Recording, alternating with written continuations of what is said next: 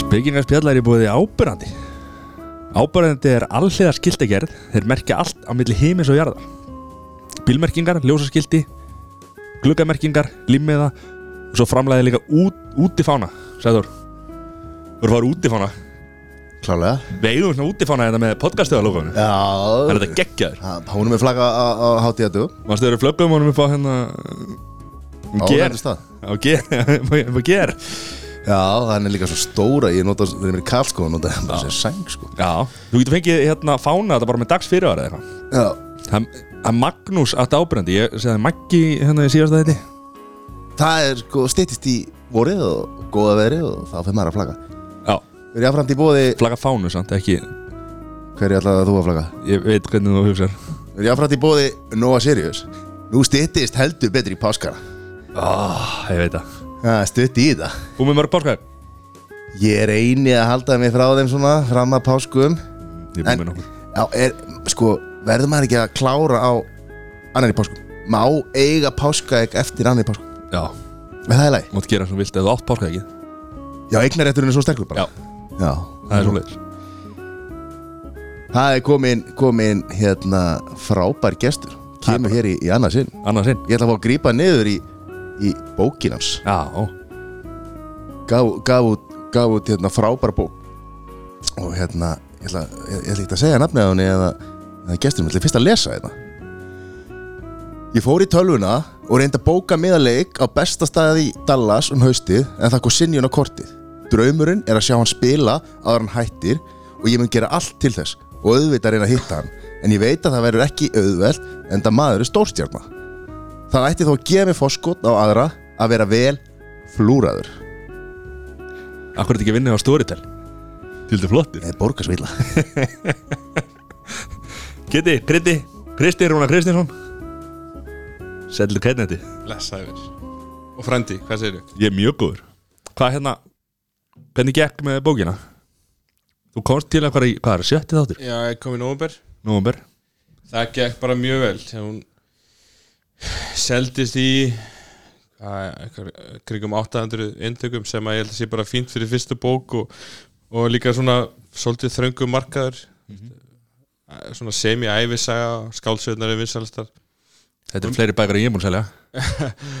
Og um geðkvörf og það er ekki kannski allir sem að hafa áhuga en það, hún bara samt mjög margir sem hafa áhuga og fekk, fekk bara góða dóma og og já Þú varst ekki eins og Páll Óskar sko. Þú komst á heimilin og komst með bækurnar sjálfur sko. Hann, já, ég fór með örgla millir 5 og 600 persónulega, svo var hún í nokkur svona betri bókabúðum líka Er þetta að fá þessa bóku dag einhverstara? Já, hún er í hún er í nokkrum bókabúðum með þá en, en bara hjá mér. Uh, ég let prenta þúsund og það er eitthvað eitthvað smá eftir það, annars bara prentaði meira og svo er ég að byrja þýðan á ennsku líka. Já.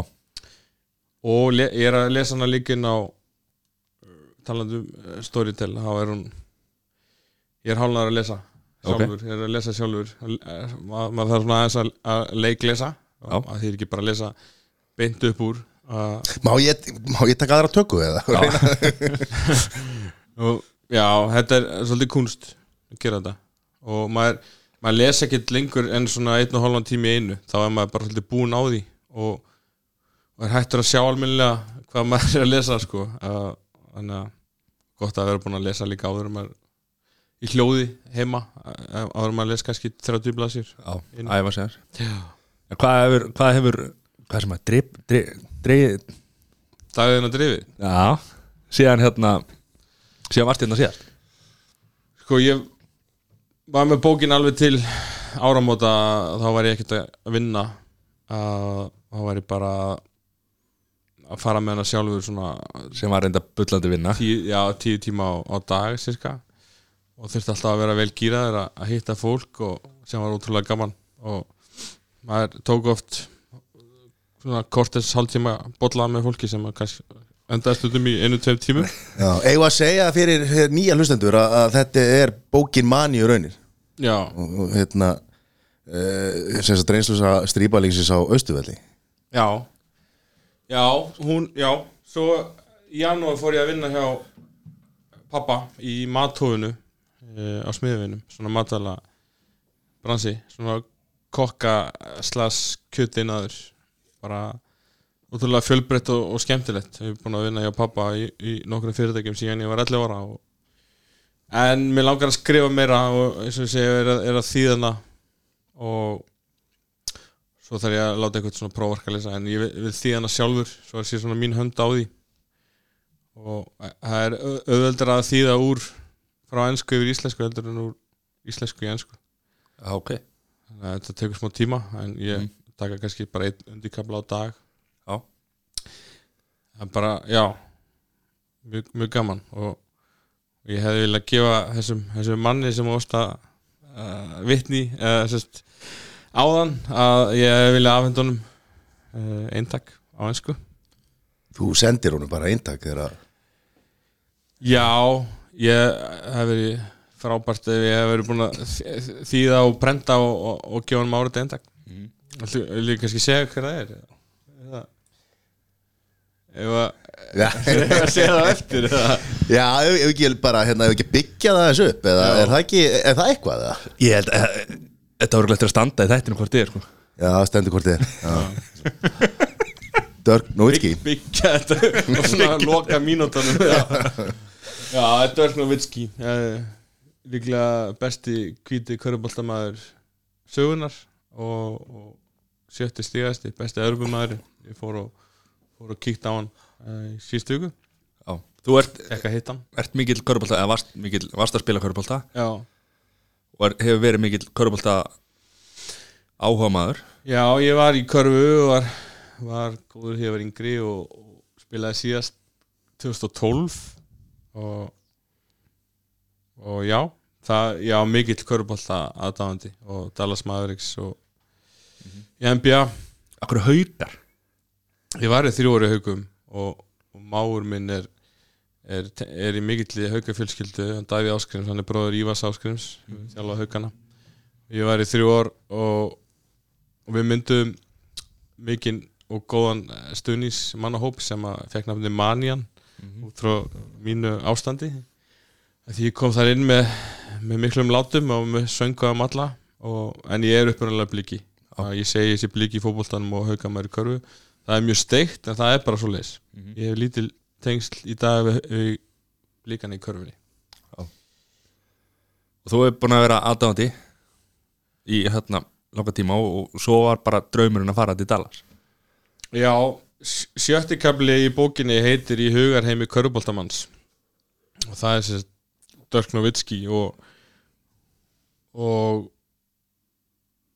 og hann er þar í með nokkra blasíður í þeim kabla og það var í síðustu manni 2017 að já, þá fekk ég bara rosalega sterka tilfinningu uh, um hann. Og ég sérst, flúraður hérna á allir vinstri hendinni og með loyalty í kringum hann því að hann er eini maðurinn í sögunni sem hefur spilað 21 tímabil með einu liði og hann tilkynnti það í, í gæra að hann væri hættur. Það var, var erfitt að kingja en, en, en svakalegt að ná honum uh, viku á hann hætti. Og já, ég sem sagt fæ mig tattúið 2016 og hann að spilað bara inn í, í 2017 manniðinni að vera með hann á hendinni að mér fannst ég vera tengdur honum og held að að við getum samin á okkar krafta og, og ég talaði hátt og snjált til hans á ennsku sa, sagði hann að ég væri svona búin að fá pínu nóg að verandi með tattoo á hendinni og, vera að tala mikið um hann á samfélagsmiðlum byrta myndbönd og nú er komið tími á hann að gefa eitthvað tilbaka.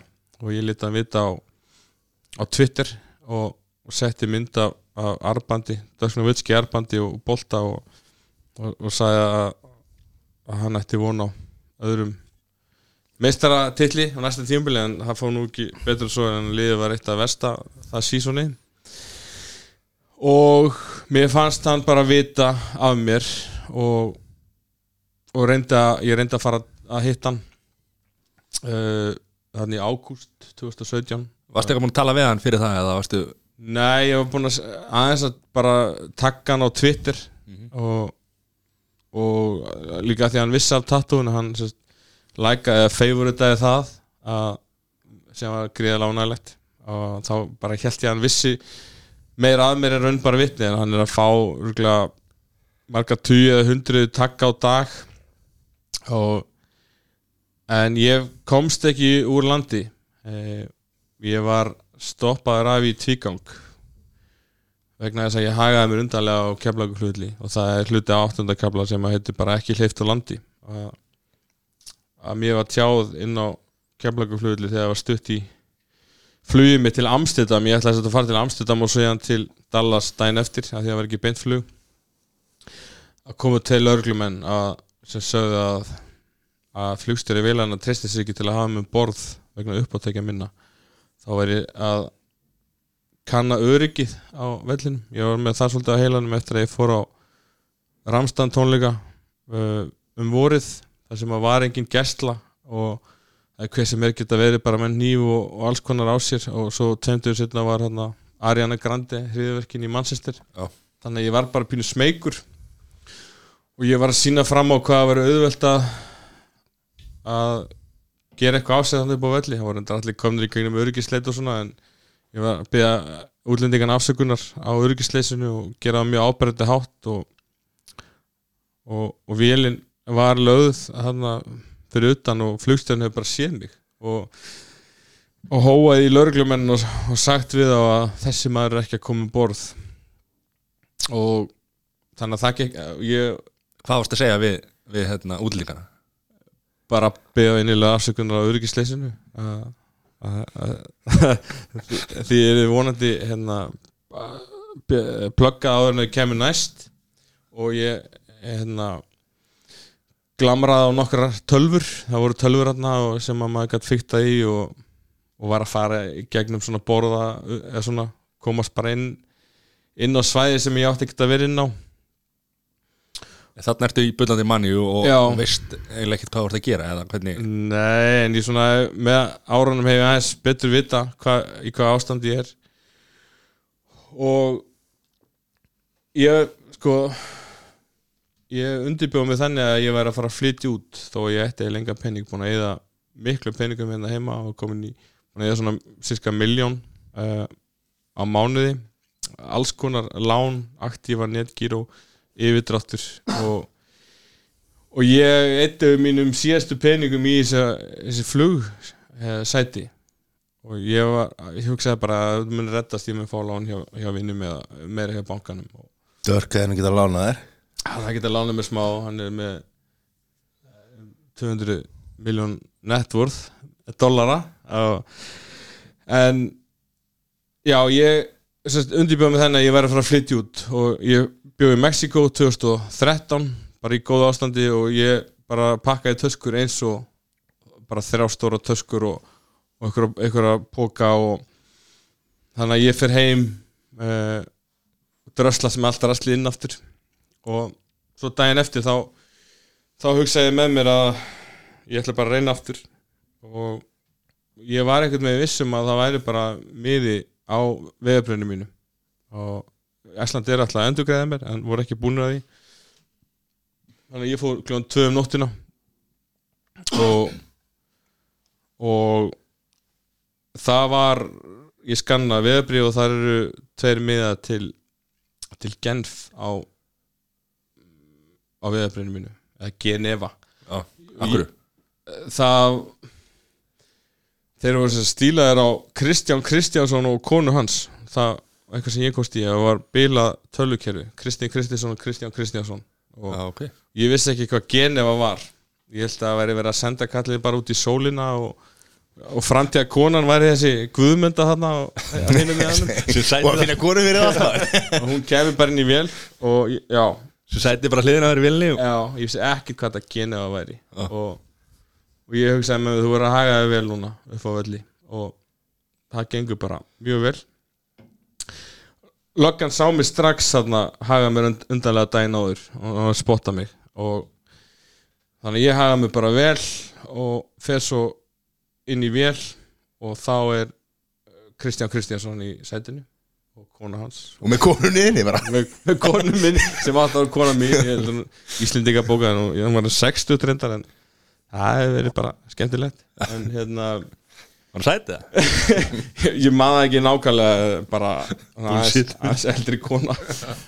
Og ég spurði hvort ég sé með með og ég síni hann og þá var bara tví bóka og full vél ef ef það, þú veist, það er ekki alltaf sem flugfröðin að tjekka í hvað sætum maður er en þau sagðu bara eftir svona voru í svolítið stresskasti og, og sagðu bara að því miður geti ekki farið að borði að vera með enga tryggingu og flugstjórum var farin að kalla eitthvað í, í hérna, kallkerfi skildi ekki þess að töf og ég, ég held að það væri verið að senda bara þannig í tískuna, hátískuna til Genf.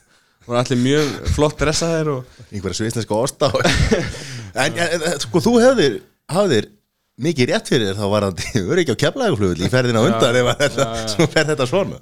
Já, nákvæmlega, ég var búinn að kannski kalla þetta, en þetta var mjög undarlegt og og já, ég fer það út og, og örþreyttur og spyr bara stelpu í sem er að vinna í ykkur Blue Lagoon búð þarna, bara hvernig kemst ég hérna út? Bara, hún sagði að þú ferð þarna á niður stegan rúlustegan og þú kemst út. Og og ég var ekki tekin í tollinum þetta fór ég ekkert. Og, og var aftur kemur heim og Náður að kaupa tóllin Nei, ég var ekki með penning og þá hérna, geðdeldin var búin að frétta af þessu. Ég hafði nýlega, nýlega áður verið og útskrifaði mig sjálfur þaðan. Og ég var pappi sagði við mig bara að það væri skissalegast að ég færi núna hans er ég sannlega bara handtekinn. Já. Fer þannig inn já, og það er bara mislukkaða tilraunir en svona upp á bókin að gera þá hefði verið geggja að fara út sjá hvað hefði gest Við erum genf í Peningalaust bara. háttískunni að reyna við ykkur díor gliru eða eitthvað En Já, Það þetta seinna. var sem sagt mín tilraun á því að fara út og, og þegar ég fer út núna 28. mars að þá er ég ekki búin að fara í, í þrjú og hálft ár og ég var með smá fyrring þó ég sé í góðu ástandi andlega ástandi núna að þá var bara smá fyrringur um að komast út mm. en Er það ekki alltaf? ert þú með fyrring að komast á landi? að gangi upp að þú komast Nei, ekki, nei, nei, bara hann að fyrir ykkur að koma þú Já. fara einhvern dælendi sko En þessi ferð, ég hef búin að langa að fara í mörg ár og, og kannski ekki haft efni á því og veist, bókinu var kostnaðisum og, og í raun og veru núna hafði ég ekkit efni á því, ég bara fórnaði öllu og fekk átt að það frí í vinnunni og og já, undirbjóð mig með hérna, skilti sem að ég let útbúa með litlum fyrirvara og Er hvað ákvastu sett ferðina bara með litlum fyrirvara eða? Og akkur tól, þessir? tólda fyrirvara eða, sem sagt, já, þá pantaði ég flughótel og með á leikina. Ok. En þetta er búið að vera planið eh, sérstaklega eftir áramót. Að þetta var líklega þá síðasta hérna, tímbilið hans. Mhm. og ég var bara að, að fara. Og lit gera skilti sem stendur Hey Dirk, I'm your biggest fan all the way from Iceland I traveled 5,706 miles just to let you know you're still the man. Gekkja skil Þetta var blæðlust Þetta var blæðilegt og hann er að verða 41 árs í júni og hann er kannski ekki alveg the man ennþá þarna. Það er ungur strákur sem heitir Luka Doncic sem að er eh, búin að vera magnaður í vetur. Og ég þurfti að fara út og segja honum að hann væri ennþá maðurinn. Og þó að ég hef, þó að ég hef ekki náða að hitta hann þá hafði hann alltaf séð þetta og það hefði verið skemmtilegt. En aðal hausökurinn var að hversu stórt þetta ætti að vera. Ég og, og Helgi Einarsson sem að hannaði bókina mína, hann setti þetta upp og hann sagði hvað segir um 1 sinum 1,5 og ég sagði já, örgulega bara töff. Og svo fór ég í, í Pixel og prentsmiðu og þessu mælunum með bara 1 metr sinnum 70 cm og ég sagði já, já. Og ég átti kannski vona að ég myndi hafa þetta í svona pappir þannig að ég geti brotið þetta niður og sett þetta upp en, þeir mæltu með að hafa þetta bara á skilti og þannig að ég geti brotið þetta saman og bara ótrúlega flott Mhm. og svo, svo sagði pappi við mig heyrðu, þegar við vorum í Boston og leika þá þá var nú bara, maður mátti ekki vera með tösku þannig inni, þannig að ég sagði hvað heldur ég ætla að smikla kókaini þannig inn á, inn á milli? Það sprengja. Í skiltinu. Og svo sagði já, svo sagði mig á leiðinu upp á völd, kannski er þetta of stórt. Og, og þetta, við gerum þetta of stórt sko upp á ferðartösku að gera ég googlaði þetta í, í hraði og held að 67 cm breytt væri stærstu töskurnar. En, en það, var, það var ekki þetta að finna tösku sem var stærri en 60 cm þannig að heima í geimslu var til einhver risa íþróttataska. Uh, öll rifin þannig að við settum tónnataka á hana og hún smellpassaði.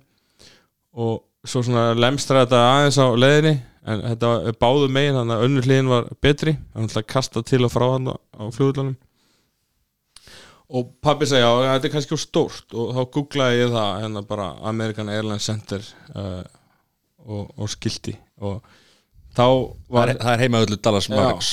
Það var 71 sinum 56 sem átti komið þannig að ég og strax komið eitthvað til að vera stressaður yfir. Og en það það bjargaðist. Þess að bara ekki hafa þetta fyrir haus. Og já, vakti bara vakti mikla aðtekli þetta skilti og bara um leiðu kom á fyrir leikin á móti 76ers þá var ég myndaður af, af aðaljósmyndaranum En ef við getum, byrjum, tókum já, því ég las pistilegin hann á, já, á Facebook hjá, hjá þér. Já, eða kaplan. Kaplan, auka kaplan. Auka, auka kablin í bókina. Það fóstu, fó- flögstu Seattle. Já, Svo fóstu hérna Þar varst ekki múin að græja esta og, og, og hérna vísa? Jú, ég var búin að græja. Á, En- Nei, já, labbaði framhjá. Já, já, ég er svo getur verið svolítið steiktur og áttaviltur ég spyr bara starfsmann hérna, hvernig fer ég bara til að ná í töskunum mína? Og hann segir, þú lappa bara hérna eftir flýsónum og það eru svona einhver fótspor á þeim. Og, og stóð eitthvað global passengers og ég bara fylgi þeim og niður rúlustegan og næ í, í, í stóru töskunum mína svo er ég að lappa hann inn og, og til að fá staðfyrstíku á fingraförunum sem að maður fær hjá Esta sko. Já. og þá var sagt um mig, heyrðu, þú til að fara í gegnum það fyrst. Og, og það var sem betur fyrir mjög indæl kona á vegum Æslandir sem vinnur bara á flugvöllinum uh, Bresk, hún er Jessica. Hún hún hjálpaði mér og við fórum upp og ég burðaðist með töskuna og, og þá var komin einhver hundra manna röð þarna. Allir bara með litlar og penna töskur og ég með mína 20 pluss kílóa tösku. Og fyrst var einhver starfsmæður sem vildi ekki hjálpa okkur og hún sagði, þú er hún Jessica sagði bara, þú er því miður bara að fara í röðina. Og það voru einhver tveir tímar í flugum, þannig að þetta var orðið svolítið tæft. En hún náða pluggaði og, og ég þurfti að útskýra það fyrir starfsmennu nú oft freka kaldir hana í bandaríkjunum og, og flugullunum bara hvernig, hvernig fórst að þessu? Og ég sagði að ég væri, hef verið þreyttur og uttaði mig og, og sagði að þetta er óvanur stórum flugullum sem er kannski svona smá líi, ég hef alveg verið á stórum flugullum en hann sagði að þetta á ekki að vera hægt þú ætti ekki geta náðið töskuna en á þess að færi gegnum esta. Og svo, já, ég fæði að fara fram fyrir og, og og þá er maður hann í búri bara eins og þeir eru hann og maður er alltaf svona létt stressað þeir eru að spyrja maður uh, hvað ertu mikið pening á þér, hvað ertu að gera þetta ertu í einhverjum business hugleðingum hjá einhverjum gisturu? Og ég saðist verið í hérna í meat industry sem er ekkert svo sniðut sko. Þú átt ekki að segjast verið ennum business sko. Það vil ekki fá kjöta við eitthvað svona Nei, þú það. átt bara að segjast verið að skrifstofum að Nei, bara túristi. Já, hann er að spyrja hvað þú gerir. Hvað gerir? Já, Já. bara og hann sagði, ertu með eitthvað kjött með þér? Já. og ég eitthvað, nei, ekki neitt. Ég er bara hérna til að sjá minn mann Dörf Novitski og Dallas Mavericks. Og reyði mig úr peysunni, síndi honum tattúið og þá bara hlóan mjög einlægt sko. Ég átti aldrei vona þessu á, á, á minni æfi sko. Að ná að kæta starfsmanna þessu tæg Það er alltaf mitt Það er alltaf mitt í þarna missjóna þegar ég fer svona út að að reyna að hérna fá þess að gæða til að hlæja sko. vera sniður, ég hef aldrei aldrei náð því sko. En Það- er að reyna að ná tengiflugið það ekki? Þetta- Já, ég á tengiflug Já. til Dallas. Og ég kemst fann fyrir og, og næja koma töskunni. Þú veist að færa hann eitthvað á milli tjekkaðist ekki alla leið. Og bara þakkaði Jessica kjærlega fyrir. Og með minn enga öryggisför þarna. Skilum miklum þökkum og kveðum til hennar Jessica. Gerum það, hún er í Seattle Pottið að hlusta. Já, hún með þess að pluggaði mig betra sæti og leiðin tilbaka. Ég fekk svona stórt fótapláss Hvað er þið bara að fara að deyta? Hvað er gangið? það er líka við. Það, það heyri henni, Jess minni sko. Já Ok, svo flögstu til hérna Dallas. Hvernig er upplifun í Dallas? Hvernig er, ég hef aldrei komið til Dallas. Hvernig er hérna? Texas er vestasta fylkið. Þetta er sexunum stærri en Ísland. Og það er allt það er st- miklar vegalindur á milli. Þú tekur svona, ég byrjaði að taka leigubíl. Hótelið sagði mér að snar hætta því sko að Uber og Lyft bílarnir væri miklu ódýrri og það voru það er búið að drepa alveg leigubílarna það eru það eru bara menn frá Eþjópíu og, og hérna Súdan fínir, fínir kallar sem eru þar en þeir, ég tók þrjá svoleiðis leigubíla, þeir, þeir spurðu mig allir are you rich? Maður spyr ekkert af því í fyrsta hérna, samtali sko. Og ég sagði bara I'm not rich, I'm not poor. Uh, ég veit ekki og svo gáðu mér allir náspjaldi sitt og voru að vona kannski að ég myndi alltaf heyri þeim ef ég verið að fá að taxa. En þetta Uber dæmi er algjör snild þeir voru alltaf mættir á fjórum myndum hvað sem maður var, voru ótrúlega margir að nota þetta sem sem auka vinnu. En ég held að ég hef verið ódýrað fyrir mig að leiða bíl þarna í hildina ég Já var alltaf að taka þetta fram og tilbaka. Og mjög langa verið of 20-30 km bara kannski á næsta matsunstað eða á leikin eða mjög stórt og eitthvað sem að kannski heitla mig ekkert að búa sko og ég held að þetta væri eitt örgasta fylki en ég sá ekki fyrir eftir á að þetta var fjóruða hættilasta fylki Ekki bara fínt að lesa það eftir á. Eftir, líka mamma, ég sagði við mömmu varstu smeykum með hann úti? Og hún sagði nei, þú ert í svo góðu jafnvægi núna. Ég sagði, "Heyrðu, ég var að lesa Texas í fjóruða hættilasta fylki. Gott að ég vissi það ekki áður. Hvað menn með, með, með byssu í strengnum eða? Já, þeir eru venjulega menn þarna sem ég kynntist eru með byssur á sér en, en blandaði ekki við áfengi af því að bara gera heimskulega hlutir með áfengi við hönd. Þannig að þeir passa sig að blanda því ekki saman en, en menn hiki ekki við að taka upp byssu þannig sko við minnstu tilöfni og þeim er skýt sama þá fáur live in prison sko. Eitthvað sem að ég er virkilega smeykur við bandarækin bara ef maður gerir eitthvað ef þú stígur feilspor að það er svo mikla refsingar annars sko. Ekki það að ég sé ykkur óbeldis maður sko. Ég hef aldrei, aldrei kilt mann á efinni en bara það hræðir mig smá sko. Þú átt lífið framöndar sko. Nægu tími til þess. Aldrei að vita hvað gerist með áfengjum hönd ég er eldri en þið haldið strákar. Hmm. en já, ég kem á föstudags morgunni 2009 dag, ég hef búin að ferðast í 22 tíma streitt og ég, ég get aldrei sofið nema ég liggi flattur sko. Þannig að ég svaf ekkert hvorur leiðinni og Hvað nei, horfðu- vílinni sig Hvað horfður á í vilni? Herðu, ég horfði á uh, Ég er komin heim heimildamyndina og hérna og íslensku hérna með Baltasar Breka. Hvað heitir hún? Vargur? Já, ekki? Jú, jú, já. Ég tók þær og leiðin tilbaka tók ég Pressan 2 seríuna. Ég er nú mjög lítill bíómynd og þáttamæður en það er ekki hægt annað en í sjö tíma Já, flugi með Æslandir en það var ekkit með Alaska Airlines er ekkit svoleiðis í búði Þú vantarlega hefur verið að hlusta á spekingana Podcastinu þig Þeir voru ekki reyndar. Nei, ég er að segja bara í símanum sko Nei, ég var ekki með Nei, ok, það er ekki dreipið að segja bara já.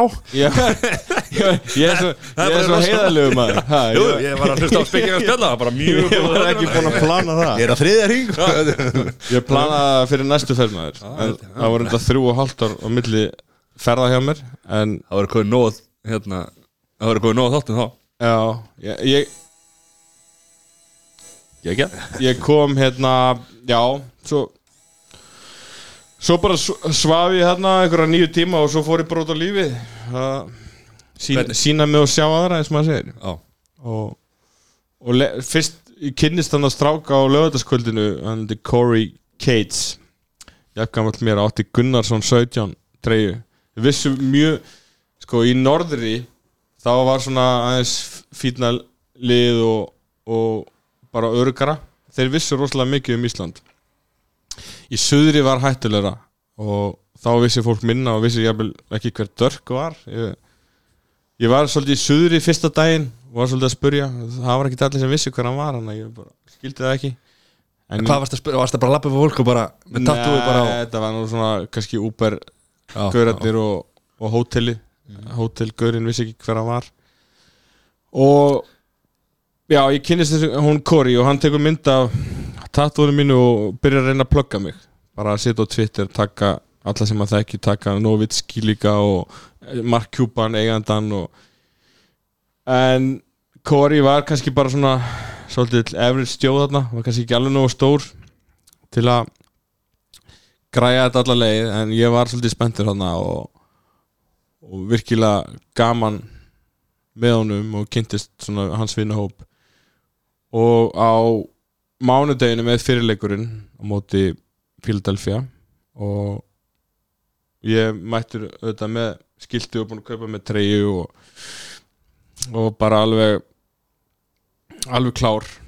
Og það, já, ég mynda þær alveg í bakum fyrir þannig að því ég kem. Það bara vakti aðtigli sem að ég var kannski búin að plana aðeins með skiltinu og, og með flúri. Og Þetta kom þér ekkert mikið óvart sko. Nei, Það það væri fólk það- annað sem var í þetta er ekkert hver sem er já, hann Kori sagði líka, hann hafði aldrei séð Dirk Tattoo, hann Nei. býr þarna. Sem ég að að hann hafði aldrei séð það. En, en já og það kemur eh, ljósmyndari líka til mín í stúkuna og segir að að hann langi að fá mig í tribut-vídeó en störk og við myndum hittast fyrir næsta leik á miðgudeginum og, og ég myndi potið fá skiltið áritað.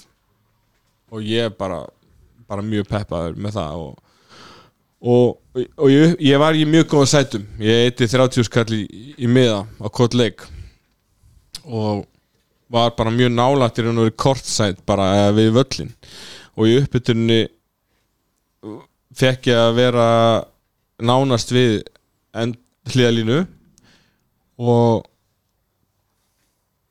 og hún segir við mig hann að öryggis konan að að Dörk kom í kortir uh, fyrir leik að hitta upp. Og Hittir hann bara á korteri? Ja, hann er með Gim inn í klefa og kannski tekið ykkur að bolta enga þar en uh, já, hann kom kortið fyrir að skjóta. Og Hvernig er Hvernig varst að meta líkurnar að því að þú væri að, að semst að hvernig var hugar, hugar ástandið þannig að þú væri að fara eins langt og fóst síðan? sko? Og ég talaði við Kjartan Ragnars minn besta vinn fyrir og hann gaf mér 26% líkur á því að hitta hann. Og 76% líkur á því að, að hann myndi alveg sjá skiltið og, og svona. Hann, hann á að snúa sér einhvern öðru reikninga því við veitum alveg hvernig það fór sko. og, en það var algjörlega frábært að mæta á, á leikin og mjög, mjög spenntur. Það er mikið af fólki að inni. Hann tekur 19.200 Já. og Dörk kemur kortið fyrir og ég er mættur og, og kalla til hans og, og hérna, ég er eini með skiltið í höllinni. Og þetta er sko 1 meter sinnum 70 centimetrar og það er alveg frekar stórt. Engi fílubókar í kringu þig Potið eitthvað? Niður með skildi Nei, ekki uppbytun Já, já, ok Slakað leik. leikurinn ekki byrjaði sko. Já, það er sorry. Ég, hérna, það var bara hann var svo nálagt mér að þetta var alveg gegga og ég kalla til hans og og svo er mér sagt að fara upp í sæti þegar þjóðsöngurinn er að byrja. Og þá er ég bara svolítið full bara mér finnst hann hunsa mig. Ég er búin að láta hann vita, komið minn á Twitter búin að taka mynda mér í öllu dressinu og með skilti áður. Og mér fannst þetta bara ég vera svolítið dissaður og, en ég hristi það að mér á núleitni. Ég mættur hérna í höllina og leikurinn er að byrja og ég hef annan leik ef að þetta eh, kemur ekkert út af þessu. En er náttúrulega var, þarna var að byrja hellingur út frá myndinni. Send, ljósmyndar að senda þetta á blagakonu hann að uh, Tömöru Jolie. Og hún situr á, á Facebook að það sé maður frá Íslandi með fabulous dark tattoo. Og það feð bara mjög víða. Margir sem retweeta og, og, og Dallas Mavericks gera það líka. Og, og margir að, aðrir körubolta miðlar fór á Instagram og Facebook líka og, var svolítið væral meirinn ég átti von á. Uh, meirinn ég gerði mig greið fyrir þarna. Og hann að það var hellingur að gerast í ferlinu þó ég kannski áttaði mig á því og væri fúlla í fengingin viðbröð þarna. Hann, hann sáði ekki og hann heilsaði hann vinkaði ekki að neitt sko, í fannst að hann hunsa mig. Já, hann er hálfviti. Það veist, það var ekki séns að hann sæði ekki mig séð ekki. já, já. Ég var það nálægt, ég kallaði á hann Ég kallaði Durk og Germinator. Og þeir sem að þekkja til ættarana sem við erum í sko, þeir vita alveg að það, það heyrist í okkur sko. Þið eru Varst- Og varstu þarna komin bara Jerk, the jerk. Ég sleppti að, sko, hann er svona kallaður The Seven Foot Snitzel Ég sleppti því, þó að hann hafi húmor fyrir þá er þetta svona þú veist, þetta er ekkert svo jákvæmt neitt, sko. Uh, og sjáum við bara hvernig hann er vaksinn en svo er leikurinn að byrja er byrjaður og nokkra myndir búnar og, og ég er svona ég verð að gera eitthvað hérna maður. Ég, það er ekkert að, ekkert að frétta. Og ég ríku upp og með skilti og fer að það sem ég var að nána hliðlinn og bara rífi upp skiltið fyrir haus og öskra dörk bara þegar það er viti og þá kemur sko askvaðandi örgisverður á ofan og segir við mig að þetta sé stránglega bannað með að leikurinn sé, ég sé að trubla þara og, ef ég gerir þetta aftur þá verðum við vísa út. Það má aldrei hafa gaman í höllana þeir eru, svo, Þetta er ekki þannig vettvangur Þetta er ekki þeir eru svolítið stífið sko kannin, en Var öryggisverður með byss á sér eða? Nei, ég veit það ekki, þetta var samt alveg næs gaur en hann var bara þannig að aðvara mig. Og Hann er bara að vinna sína vinnu. Já, hann var fljótur að fara að djóki mér aftur en, en já, fólk, fólk að taka myndir af sér með mér og bara ótrúlega skemmtilegt. Og ég, já, ég vanur stuðnisöngum í blíkonum í gamla dagi fótboltanum og svo haugunum í körfunni og á, á marga sönga í, í farteskinu og ég hugsaði með mig hvernig get ég komið því úr 1500 manna höll uh, yfir í 19.200 og það er tónlisteil alltaf bara uh, í miður leik og í vítum og ég fór svona að reyna að spotta hvenar ég gæti mögulega nelti í ykkur að dörksöngva Varst ekki að starta bylginu eða? Nei, það er sennilega aldrei Það má ekki, má ekki standa upp. Já, og svo ef maður fóð fram og þá mátti ég ekki fara inn í sæti fyrir en það var sko, bolti úr leik sko.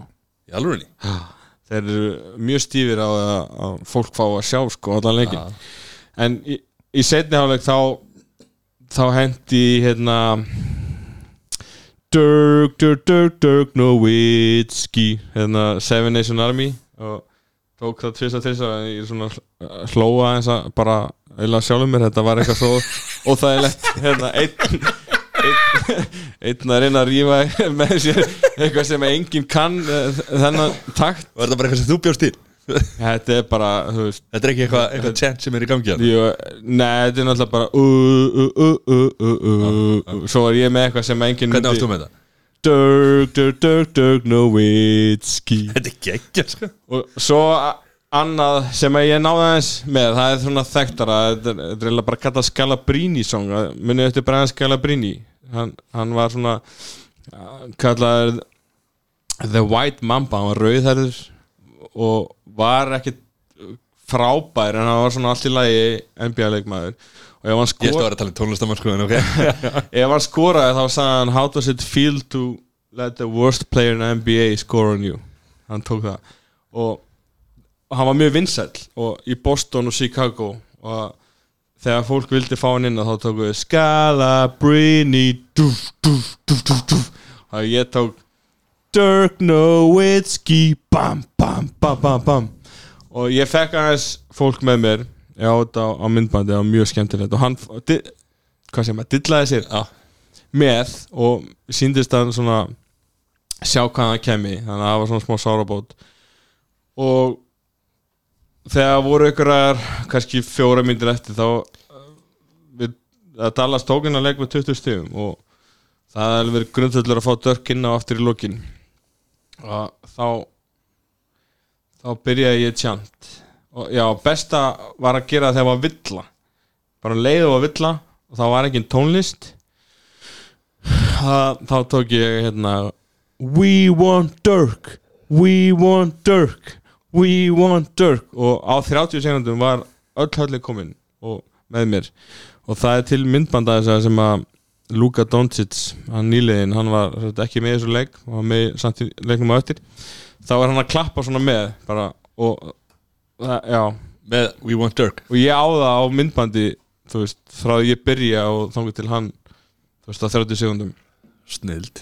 Og strákarnir við hliðina á mér bara, ekki kanna sögðu mér bara you got the whole arena with you. Að það var það var svona success í því Mhm. að eitthvað sem ég ætla að reyna. En það er engin stemning aðna eða svona, eða Er ekki, er, ekki meiri, er ekki meiri stemming í playoffs og, og hérna, þetta var alltaf deildalegur, eða ekki? Jú, jú, ég er líka vannar en náttúrulega bara svolítið fótboltanum og ensku, enska boltanum og það sem er náttúrulega allt brjálað. Og ég var svona aðeins að láta heyri í mér og hérna Fór, fór þetta ekkert inn á samfélagsmiðlana þessi, þessi myndbönd eða? Jú, það er með ég letu fylgja með hérna pislinum í gæðir þetta er allt inn í 36 sekundum með We Want Dirk Er er ekki að fá það eða? Núna? Já, Jú, jú. Ég talið bara ég það, ég skal- Teknistjórinn er að Fyndu hana sem er 36 sek Teknistjórinn er eh, sveittur að yfiröðurinn í. Já, hvað hérna? Já, Já, vinnum með eh, 20 og og ég hugsa með mér hvað get ég gert til þess að færast, færast nær. Þetta með þetta? Er, Eftir augnablik? Og já, legg bara höfuð bliti og hugsa með mér það er eitt leikur eftir hérna hjá mér og svo bara heim á fimmtægin já hann Þú férst ekki að hitta hana fyrsta leikin Þú varst Nei. ekki sáttur. Nei, en mér er samt uh, svolítið lofað af ljósmyndaranum hann að ég fá allavega skiltið. Þetta er ekki það. Flottur. Skiltið árita Já Það er búið að lofa því. Að búið að lofa því og, og ég er náttúrulega að heyri í honum fæn afspöldi í honum, ljósmyndaranum. Þetta er ekki heldur það. Heyrðu, ef við ekki Hvað er öllu skreitt og enginn heima hefur það? ég, ég, Það er ekki, hann stendur ekkert hérna Nei, hann sagði að væri Dirt hérna chat, já, það er hérna mismunandi. með 36 sek sko. 30, hann, Já, ég var, það var í 29 hérna nokkur og hérna, ég hugsa að það var í 30 36 sko. Þetta er 29 er nær 36 sko. Já, ok. Og ég er náttúrulega að heyri í ljósmyndaranum. Já, og ég ringi hann og fæ ekkert svar og sendi honum mail ekkert svar, SMS ekkert svar. Þannig að var þetta eitthvað bara bullari þá? eða? já, ég hérna hitt hann svo á miðgudeginum og ég Ég með þetta 37 og 35 Ég Giska á ég sjá? 37 Þetta er frábært útarsefni Það lítur að prófa. Já, prófa þetta bara Sjá hvað það gerir Ég vil byrja stafsökun á þessu en uh, teknir á þessu drúna er We það? want Dirk! We want Dirk! We want Dirk! We want Dirk! We want Dirk! We want Dirk! We want Dirk! We want Dirk! We want Dirk! We want Dirk! We want Það er allir byrjað að klappa hana We maður want Dirk! We want Dirk! Alveg í lokin, þá segi ég ekkert We want Dirk! We want Dirk! We want Dirk! We want Dirk! Þarna kemur þetta alveg alveg í lokin hann þegar ég stein, stein Og það var vídeo hérna, þetta er sett vídeo inn á hérna, Facebook síðinu henni já. og þar hérna var sást á bekkin hann að menn voru að klappa með þessu já, og sérst myndband sem se- af hann að þessu nýlega Luka Doncic þar sem að hann er að klappa til dörk og þetta er það sem ég startaði hann það er En ok, svo bara komið hérna. Já, eh, já með ljósmyndarann að ég hitt hann. Og ég segi við hann, ég er búinn að ringi og senda sms, sendaði mail. Og hann sagðist ekki að fengi mail mailið. Og ég sagði við hann, ég sendi það til þín 7.57 pm í gær. Og fór bara í send mail og sínd hann það. Mhm. og hann, þá bast hann inni við ásökunar hann bara smelti í grillið á honum. Og hann sagðist ekkert geta gert því að leikurinn var að byrja og, og ég var að út á morgun. En í millitíðinni þá var ég með var annað stærra plugg sem hafi komið. Hún Helena Sverrisdóttir hérna the, the Goat of Iceland greatest of all time. Sjátt á þetta hana. Já, hún herri mér eftir leikina mándaginn og segir við mig að Lovisa Falls uh, dóttir sé úti og og mamminar og sé að heimsækja systir þeirra uh, sem er sem er að vinna fyrir aðstæðþjólarinn hjá Dallas. Uh, ekkert flókið við þetta. En, en hérna, hún heitir Jenny Buzek. Hún er sér þriðja konan sem hefur verið aðstæðþjálfari í hjá NBA-liði bara í sögunni.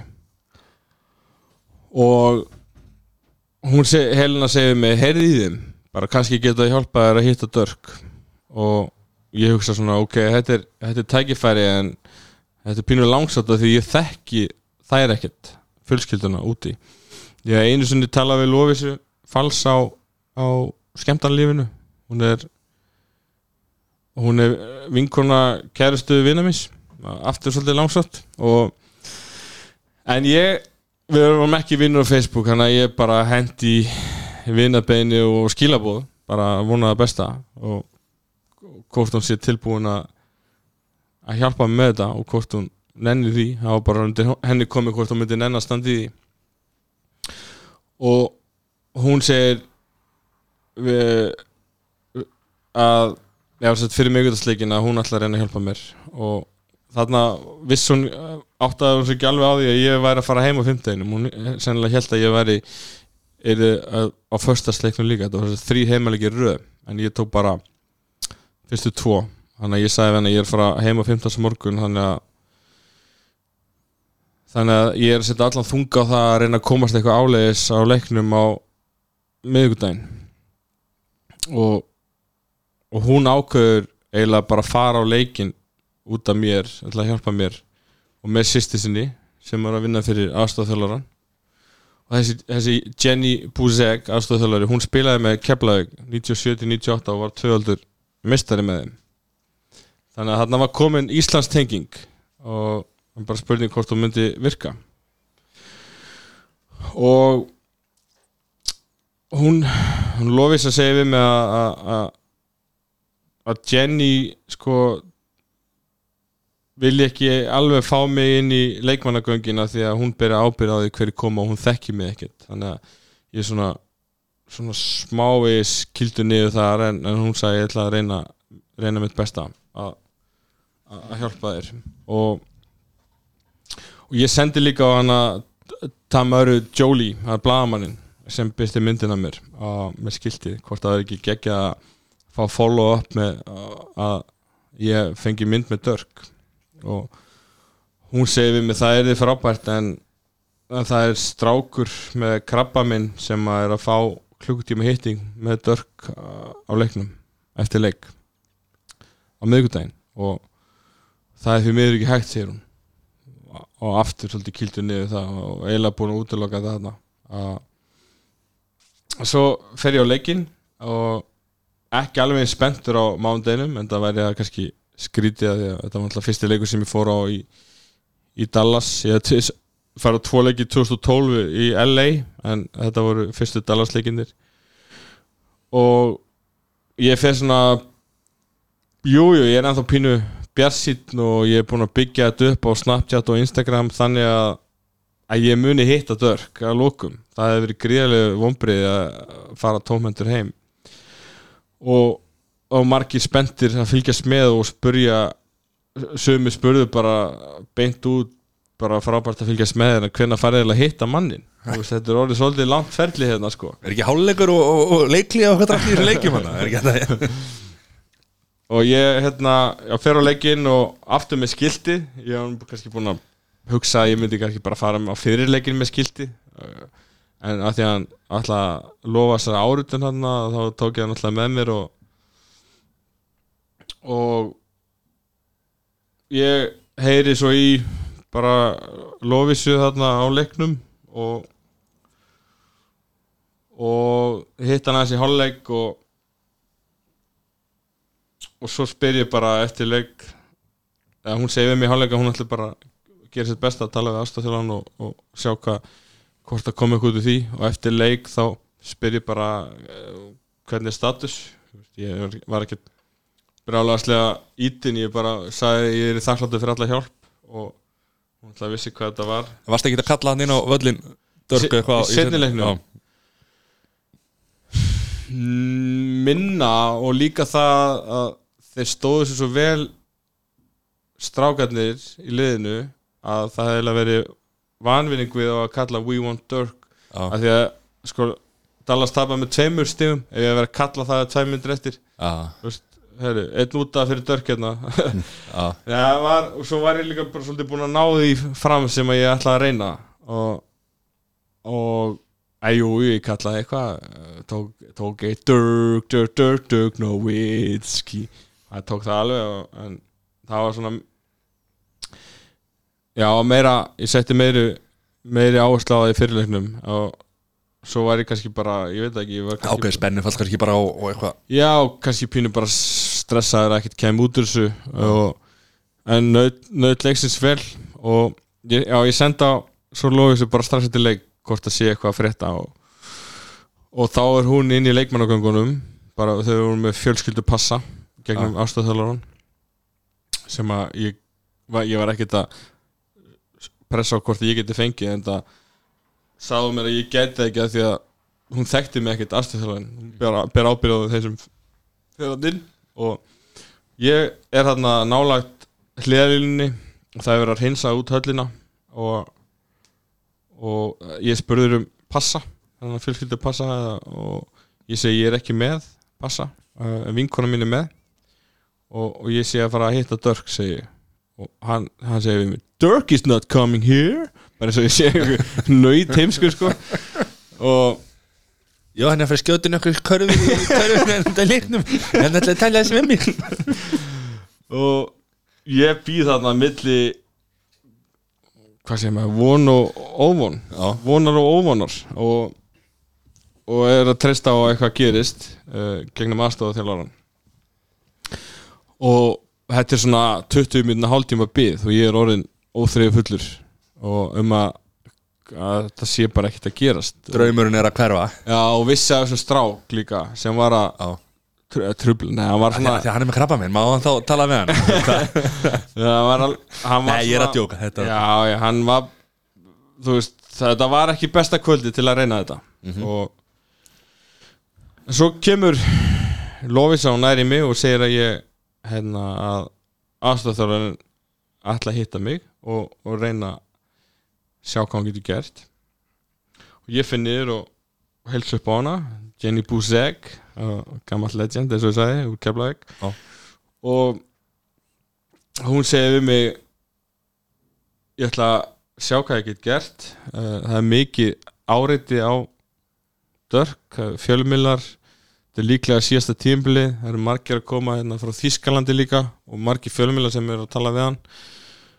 Og en það sem gerði úrslæði var að konan hans dörk kom og talaði við mig.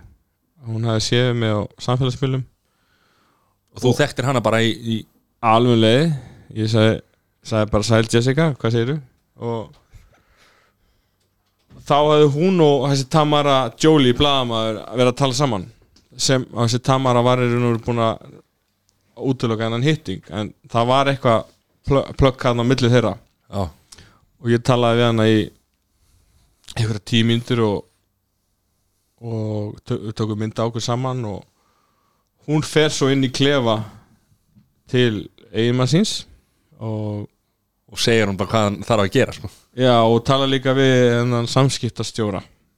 Og þá er ég orðin að- ansi spenntur. Þarna var eitthvað að gerast. Uh, hún var að innsikla þetta með þessari tengingu við afstofþjólarinn í gegnum íslensku hérna, stelpuna sem var að vinna hjá henni. Þannig að þetta var og þa- ég hefði sennilega ekki hen, eh, hérna, lagt í það að senda stelp, sýsti Lófísu af því ég þekkti hann alveg null uh, það var einhver smá tenging hann við Lófísu og ég býði ykkur að ekki svona tæma klukkutíma eftir dörg þá var hann að klára hittingi með stráknum og ég lapp inn og, og hann tekur brosand á móti mér og ég segi oh shit. Það er bara fyrsta sem ég segi. Og faðmann hann 213 að að var svona rétt náð upp í honum. Með, með rétt úr mér með hendinni og og hvað tókstu svona utanum, tókstu faðmið utanum hérna öxlina eða, eða bara um magan öxlina ok og ég segi við hann Ich heiße Kristin und ich bin 29 Jahre alt. Ich wohne in Coburg.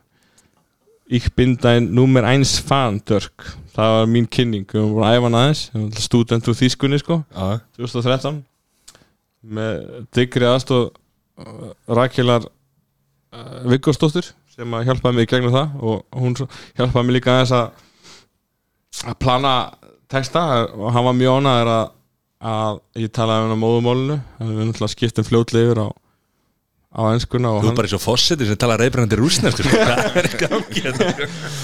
og hann spyr mig mjög fljótlega um Jón Arnór. Að- hann var eitt ár hjá Dallas 2003-2004 spilaði reyndar ekki leik með þeim en var kannski ekki alveg nógu þólumóðu til að hann vildi bara fara til Evropa að spila. Hann og margir verri en hann spilaði í NBA-deildinni ég sagði bara he's the goat of Iceland like you're the goat of Mavericks eða greatest of all time. Og hann spurði mig hvort ég hef, komið á, hef ekki komið á Eurobasket 2015 ég sagðist því miður ekki hafa getað það. Ég var nú bara að jafna mig á maníu þá og Sáður það við hana? Nei, ég sagði ekki við hann En hérna Ég sagði hann að ég hefði fórnað öllu til að sjá hann spila núna og það var ekki lí Nei. Það var bara frí og vinnu og léttur uh, yfirdráttur og svona til að hérna, til að gera það og það hefði verið alveg glata Kallum þetta draumadrátt Já, það hefði verið fyrir ekki að glata að fórna þessu öllu og fá ekki hittan en það þurfti rosalega margt að að spila inn í og Ég meni það er ekkit allir sem að fá að hitta drauma sko, leikmanni sinn sko. Nei, líka þessi tenging í bókinni sko. Það sem að þú ert þarna að skrifa um að þú hérna 2017 hafði þessa tengingu við hann og ætti, hefur reynt að hitta hann áður og, og ætla að gera það og, og, og fara síðan og, og hérna og ná markmiðinu Já, þetta sko eins og ég setið upp í bókinni að þá er ég á leiðin að fara og ætli mér að reyna að hitta hann og ég sé búin að vilja fara í mörg mörg ár og sé með þessa rosa uh, sem ég taldi mig að vera tengingu við hann. Og ég síndi honum tattúið þegar ég hitt hann og á mynda því þegar hann er að eða bara dásama það. Já, ég var að skoða mynd, það var- það tára kvarmi hjá hann sko. það er rosa moment þegar, hjá mér þegar hann skoða það og hann áritar skiltið og var mjög ánægð með það. Still the man og gefið mér skó nummer, nummer 50 Hann gaf þér par af skóm. Já, Þú ert með þetta hérna Kost með þetta hérna með þér sko. To Kristin stendur. Og, Þú Kristinn. Og, og áritin og svo áritar hann treyna mína sem Já. ég er í, ég ætla nú ekki að ganga mikið inni Nei. Hún fer upp á vegg. En hvað, Þetta er skorinn 50 sko. Já, Þetta er, rí- þetta er svo skýði sko. Ég nota 45 og þetta er svo stífil á mig sko. Já. Og, og svo þegar ég held að já, ég, eiginlega sem ég er ánægast með að sagt, það er margt sem ég vil að segja eh, hafa bara ekki tími og var ekki tími til að útskýra okkar tenging og bókina. Ég hef látið hann fá á ennsku eins og ég sagði á hann en það var bara ekki staður stund fyrir það. Þetta var svona standandi hittingur og eh, það- samt tíu mínútur. Og kannski að flottast sem ég sagði við hann að, því ég er með loyalty í kringum flúri, ég sagði að hann væri skilgreiningin á því orði og ef maður myndi fletta upp í orðabók þá ætti hann að koma þar nafni hans Hvað, sa, hvað sagði hann við því? hann er bara eh, skínandi glaður eins og hann er á öllum myndunum. Þetta er ótrúlegt. Og, stundur sagt að maður ekki hitta ædoli sitt af því að maður verið vonsökin en það var ekki þannig þarna. Hann var jafn mikið brosand og ég á þessum myndum. Og svo þegar ég held að hittingurinn væri að klárast og þá vildi hann sína mér 2011 titilin sem að mér finnst vera flottast titil í sögu NBA hann var eina stórstjarnan í liðinu og þá er hann 33 ára. Og talin vera svona joker eða bregðast alltaf á augustundu tapa 2006 í úslitu fyrir Miami 2-0 lifir, tapa 4-2 árið setna er þeir með besta rekord í NBA 67-15 og þeir tapa fyrir áttundaliðinu og hann er þá MVP það ár verðmættastur og þeir tapa í fyrstu umferð. Þá var hann bara stimplaði sem Joker og þessi 2011 titill og það er ein mynd þarna sem að eru sem ég byrti sem eru svona brosandi starfsmenn í kring þar, þá segi ég við hann að ég hef grátið gleðið tárum fyrir hans hönd 2011 þegar hann vann. Jó, að ég hef verið svo ótrúlega ánæður fyrir hans hönd eftir vonbreiðin árun undan.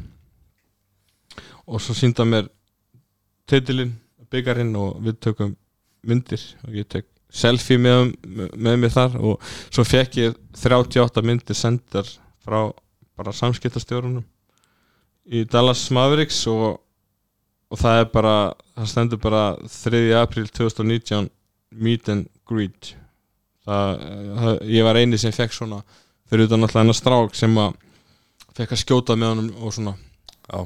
ég var nú að sína honum einhvern tíman hérna, að maður gæti einu svona hitt og taka keppni við hann ég ætti nú sennilega ekki séns nema á mjög góðum degi en þetta var yes, þetta er besti dag lífsmís 3. april 2019 og verður seint toppaður ef maður kannski eignar spöld í framtíðin eða ég veit það ekki, eða, líklega ekki. Þeir eru loksis hittir hana þetta Ég mátti að vera með þér í villiði já, guðmundur. Hún er væntal að kóðina af barnegna aldrei sko ef hún er. Já, já, það má alltaf alltaf lífi vonuna sko. Með hana, nei. Að Þetta var sér Þetta er styrlað dagur Það, já, ég fór svo, mér var fyllt svo út bara á örgisverði, bara ekki að því ég var með læti, bara til að til að bara hleypa mér alveg, nei, ég vil ekki fara. alveg rétt út. Og já, kannski eitt hann að daginn áður fór ég á um, Kori í vinnu minn sem ég sagði áðan frá hann, ég sagði hvað er besta steikhús í Dallas, mér langaði að fara bara eitt kvöld og fá mér steik. Og hann komst ekki með mér, við erum vinna hann nefndi ykkur fjögur steikhús og, og ég valdi bara út frá flottasta nafninu. Það heitir uh, Bob's Steak and Chop House. Ég bara, ég fer á Bob's maður. Og ég tek hérna Uber bíl og og við með blasa bara glæsi kerrur fyrir utan. Og búið að leggja þeim hérna og kem inn og þá var svona dimm lýsing allir í jakkafötum. Og ég sko treyjunni minni og Dallas peysunni og stuppbuxum með derhúðum hérna spyr hvort þið hvort þið borð fyrir eitt og þau segja já, ekkert mál. Og, og ég fæ hérna Þeir var bara hleyft inn bara í já, Já, og og ég konan, þjóðnin spyr mig svo hérna hvað ég sé að bralla bara og hvað ég sé að gera og ég segi ég er bara hérna til að sjá dörk og sínum tattúi og svo pantaði mér ein, eina ribeye steak 14 únsur og ég gat alltaf að borða í friði fyrir sögum af dörk frá henni.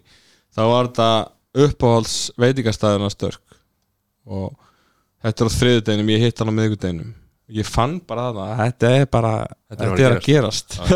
ég er að færast nær.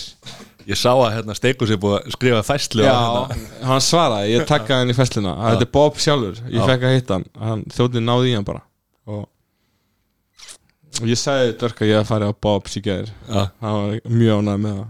Ég, ég, hérna, ég ætla að segja við hann við tökum næsta hitting þar. Já, En þetta er náttúrulega margir sem er líka svona einhvern veginn, þetta er góð saga líka Hlynur Bæringsson, hann náttúrulega hérna, það kemur þetta fram í byrjuninni að hann kvattið áfram dró, hérna, drópin hólar steinin og svona svona, þetta, þetta er líka sko þetta er svo góð saga því þetta er einhvern veginn þetta er eins og bara svona bók sko. Það koma personur inn og, og hérna þú veist með hérna, hlinur með, með eitthvað svona inspiration og, og, og, veist, og svo hérna kemst í samband við Lofísu og, veist, og Helena Sverris þú veist, tengir það einhvern veginn. Þú, þú veist, þú þekkir ekki Helenu sko. Jó, ég þekki þú þekkir Helenu? Já. Já, alltaf hauka, hauka tengir, mm. ok. Vel undirbúin? Herre.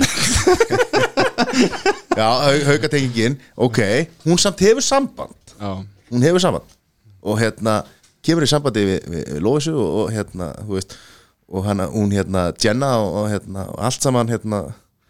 Jenna Jameson? Nei, Jenny. Jenny. Vel undirbúin. Hún, Ég, ég, ég, Hvað þú varst að sína Allar stelpunum voru að skoða tattu og svona? Hvað var Það fór enginn á fjóra þarna sanns úti sko. Ok Hvað þýðir það?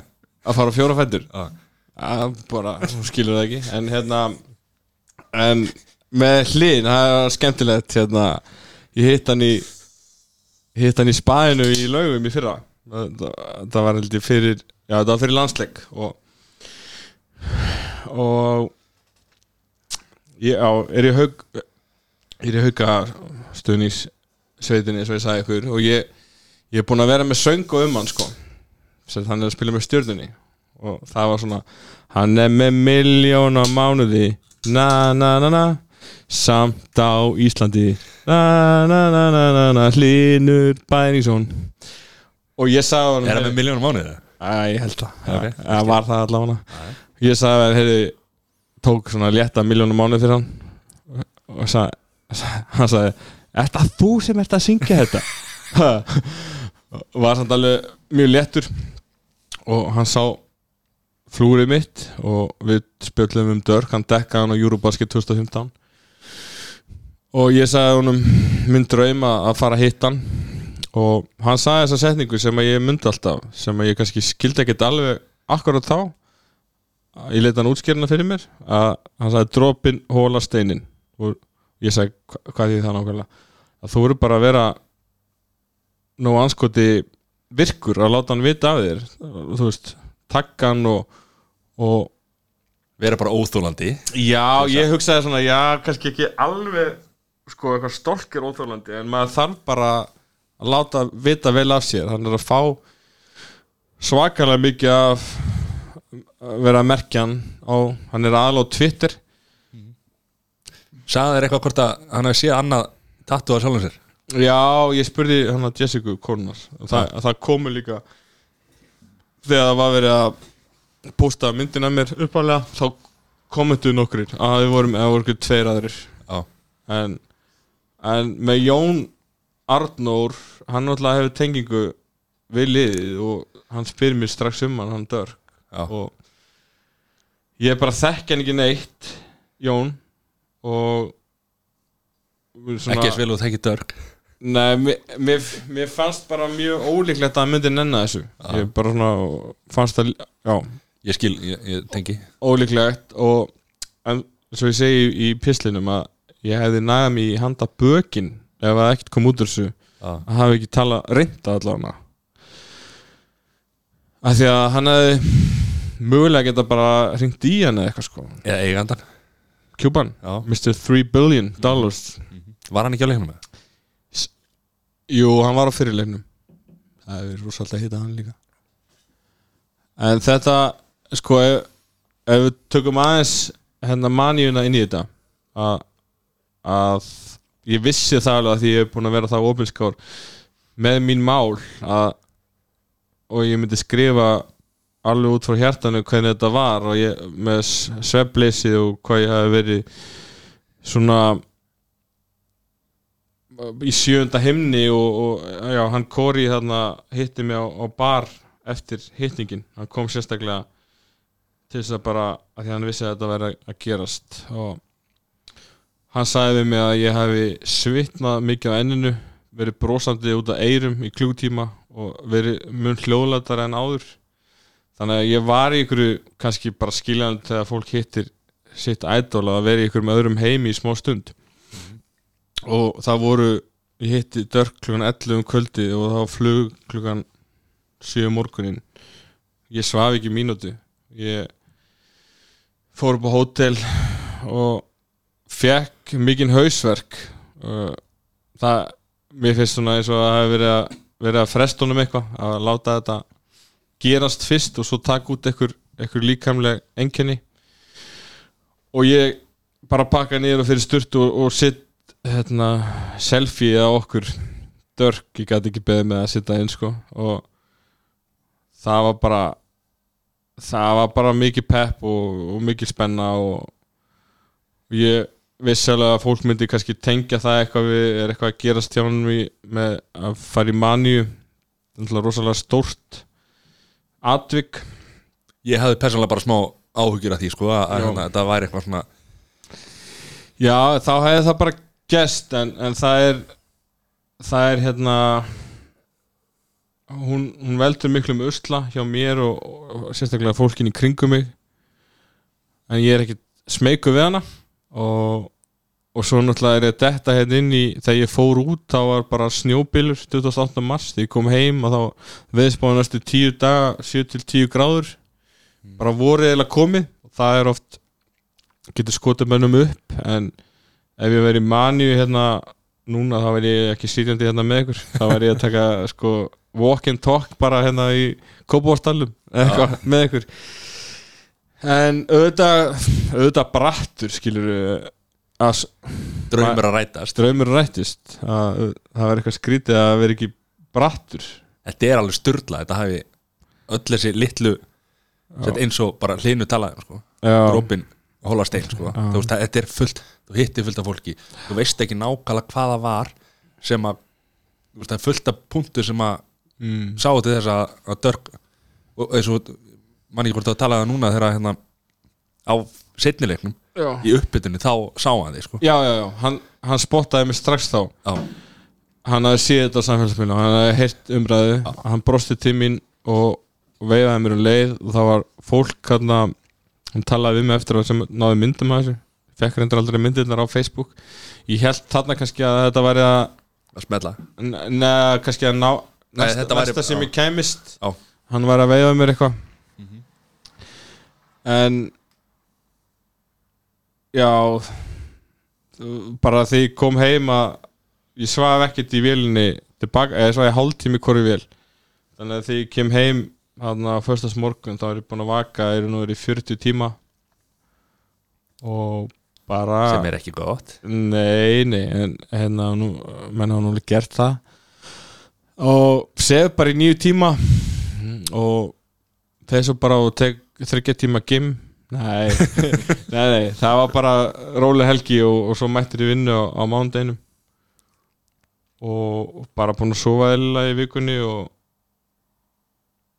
já, og svo, já, hann hættir á miðvikudags. Aðfara nótt miðvikudags tilkynna það. Og nánast grætur í höllinni þegar hann tilkynna það. Og, og maður svona klöknaði með og hann bara svo hann er að fara að hætta? Hann hættur, hann- síðasta leikurinn var, var í gær og náttúrulega rosaldan á honum viku fyrir. Já, ég fagnaði mikið þegar hann tók eitt ári viðbútt í fyrra. Það, þá var gæt draumurinn lifað. En þegar ég fer út sko held ég væri með svolítið golden ticket með tattooið og, og skilti var löngu planað. Planað það í desember. Já. en það var ekkert nóg. Það fleitti mér ákveði langt fleitti mér á samfélagsmiðla og, og hann vissi á því. En og ég var að vona að hann myndi að króta á það kannski hérna í uppbytunni að það væri kannski það sem ég myndi ná. Og þegar ég var að býða í göngunum hann þá held ég kannski að hann myndi koma bara og króta á treyjuna mín á mynd en ekki út. ekki enga hittingur hann. Já. það var alltaf alveg alveg styrla en einhvern veginn innst inni þá þá var ekkert var þetta ekkert að fara að klika Nei. það var bara þetta var ekkert meginn að fara að gerast. Og ég var búinn að senda einhver mail hann til Mavericks og fekk engin svör, var ekki að finna rétta fólki. Og búinn að reyna eitthvað við einhvern íþrótta fréttamann hann á Twitter, fekk ekki svar. Þannig að þetta fór ég svolítið blöður á baku eirun en ég myndi segja að Helena Sverris var svolítið, svolítið mikið stort hérna, stór bolti sem, að, sem hún rétti mér sko. Það er, já það er annars segja þetta og það sem náttúrulega klikkaði með ljósmyndarinn þannig og við gerum haldið væntinga með það. Og ég urðaði yfir hann hann í höllinni. Ég bara setti þetta í grillið á honum bara með, hann þóttist ekki að fengi póstinn og ég var bara með hann í sent þarna. 7.57 sko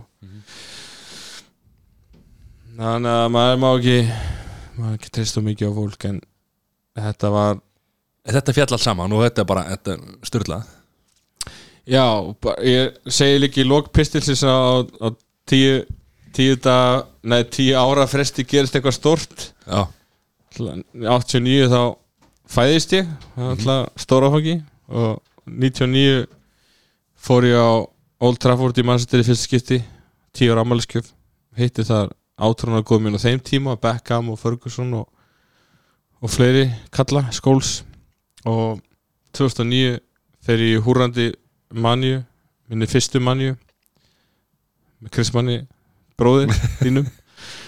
Til, og til útlanda. Já, til. Prag. Já. og kem heim og er laður inn á geðildi fyrst skipti. Það bara breytti lífið mínu. Ég, já, bara breytti öllu að að upphafið af, af geðkörunum svo 2019 Dallas og 2029 29 Barn. barn og giftinga, ég veit ekki eða Já, ég segi að þetta verði aldrei toppað en ég segi reyndar aldrei að segja aldrei, Aldrei að en En þetta kennir manni bara það Ef maður gerir ekki neitt, þá gerist ekki neitt. Það Já. verður að gera hlutina. Það var einhver sem segi að þetta hefði mikil þraut segja Mhm. það var alltaf svakald mission. Já, það, þetta var svona mission sem að ég sem ég misti ekkert hvað segir maður, augun af við það það voru bara, Bara- stanslust bara fókusar á þetta Já. verkefni og klára þetta. Sem það, er ég er svolítið þannig ef ég er með eitthvað verkefni Mhm. eins og bókina og þá er eiginlega ekkert annars ég kemst að. Svo ertu núna með einhverja fyrirlestra. Já. Hann heitir sem sagt uh, Hann núna er bara fyrirlistur sem heitir Dirk Nowitzki. Nei, nei, hann heitir Rússipanna lífið mitt og meina þetta mission uh, úti var náttúrulega bara Rússipanni Mhm. það er alltaf Rússipanni einhvern veginn í kringum hann. Og alltaf einhverjir óvæntir og, ströggl eins og með Esta hann á flugvöllinu það er alltaf eitthvað það er aldrei lognmólla sko. En já, þetta er Rússipanna lífið mitt og er bara um um gæðkörfin og ætli setja nú ekki inn mynd af Dörk þar og tengi að því að hann er allir í bókinni? En já, þetta er svona getur verið 40 til 80 minna fyrirlestur og ég er svona einblinu mest á tíundu bekkinga að því að ég hefði viljað fá svona fyrirlestur þegar ég var úlingur að, að ég, ég hef, væri ekki einn í þessum spórum Ertu að fara í skóla og Já, ég er búin að taka tvo ringi á tíundabekki í Kópói og nokkra í Reykjavík og, og fyrirtæki og háskóla líka en ég myndi bara ég fekk styrk frá Kópósbæ fyrst, ég myndi bara vilja hafa fastan styrk á ári til að fara í þessa tíu grunnskóla. Og svo er stefnan að fara í Reykjavíkuborg og það er 38 skóla, ég er nú búin að reyna það eins, það er mun stærra batteri en Kópóur en fyrst ég hitti Dörk að þá ætti ég nú að koma því í gegn en ég þarf að fá bara réttu tengingarnar. Já, Í þetta dag? Da- já, tala bara við hérna helinu, helinu og fara heilin að eh, plugga það, það hlýtur að vera. Hún þekkir einhvern til að beina með þanga en er ótrúlega skemmtilegt að halda fyrirlistra þó að þeir, þeir taka samt alltaf á. Þetta eru reynslusögur uh, bróðumissirinn er þarna um Guðna þunglindi og ég hálnaði með fyrirlisturinn þá finnst mér svona eiginlega að vera búin með hana því þá er manju kablin að byrja svona sem er svona svolítið skemmtisögur. Og finnst þér ekki erfið að því að þetta þetta eru erfiðar sko, þessar manjur eru í bókinni er þetta mjög skemmtilegar sögur og, og, og hérna og þetta er eiginlega skemmtiefni fyrir þann sem er að lesa sko, en þetta er, þetta, er ekki, þetta er ekki skemmtilegt fyrir þig og fjölskylduna eiginlega þegar þetta Er að gerast þegar þetta er að gera sko, við erum búin að alveg setla það fjölskyldan það sem er komið upp og kannski mest sitt í mér er sprauturnar hann inn á deild en. En finnst þér ekkert erfitt að rifja þetta upp sem skemmtisögur? Nei, Nei. húmor fyrir þeim sem betur fyrir, annars væri ég ekki hérna lifandi í dag ef ég hef ekki húmor fyrir hlutunum og lífinu en ég veit alltaf ég hef alveg spottað nokkra sem að eru bara að hlæja af manniðsjóðunum en svo þegar kemur að alvöru lífsins að tala um hinarliðina og þunglindi og þá þá bara bæla þeir frá sér. Það er, hef ég svona svolítið stimplað sem bara gerðu við vinni sko. Já, þannig að já en ég hef yfirleitt mjög gaman að þeim og, og hlæða þeim sjálfur og þegar ég er að lesa bókina núna er hálnaði með hann að að Kitty Sturlu frendi minn að gera það með mér í, í, í stúdíu Sýrlandi Já.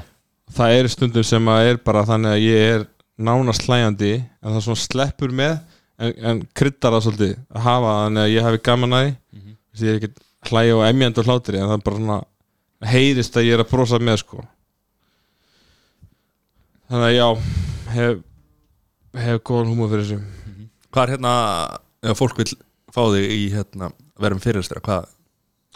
ég er með heimasíðu kristirúnar.com og svo er ég með kristin at kristirúnar.com mail. Fólk hefur samband þar, já. bókin. Það er til, það er til nokkur eindug sama stað. Já. á, á Það heimasíðu er að borga upp hennan yfirdrátt já, Dörk, hann pluggaði ekki þess að 3000 dólar á mig sko. Það hefði nú verið öll fyrir hann en, nei, hann spyrjast út ef hann var að gera eitthvað svo leiðis það er. En hérna, takk kjærlega fyrir spjallið Alltaf gaman að fá þig. Ég, hann er ótrúlega gaman að koma. Já, eins og alltaf. Heldur betur. Takk hérlega fyrir komuna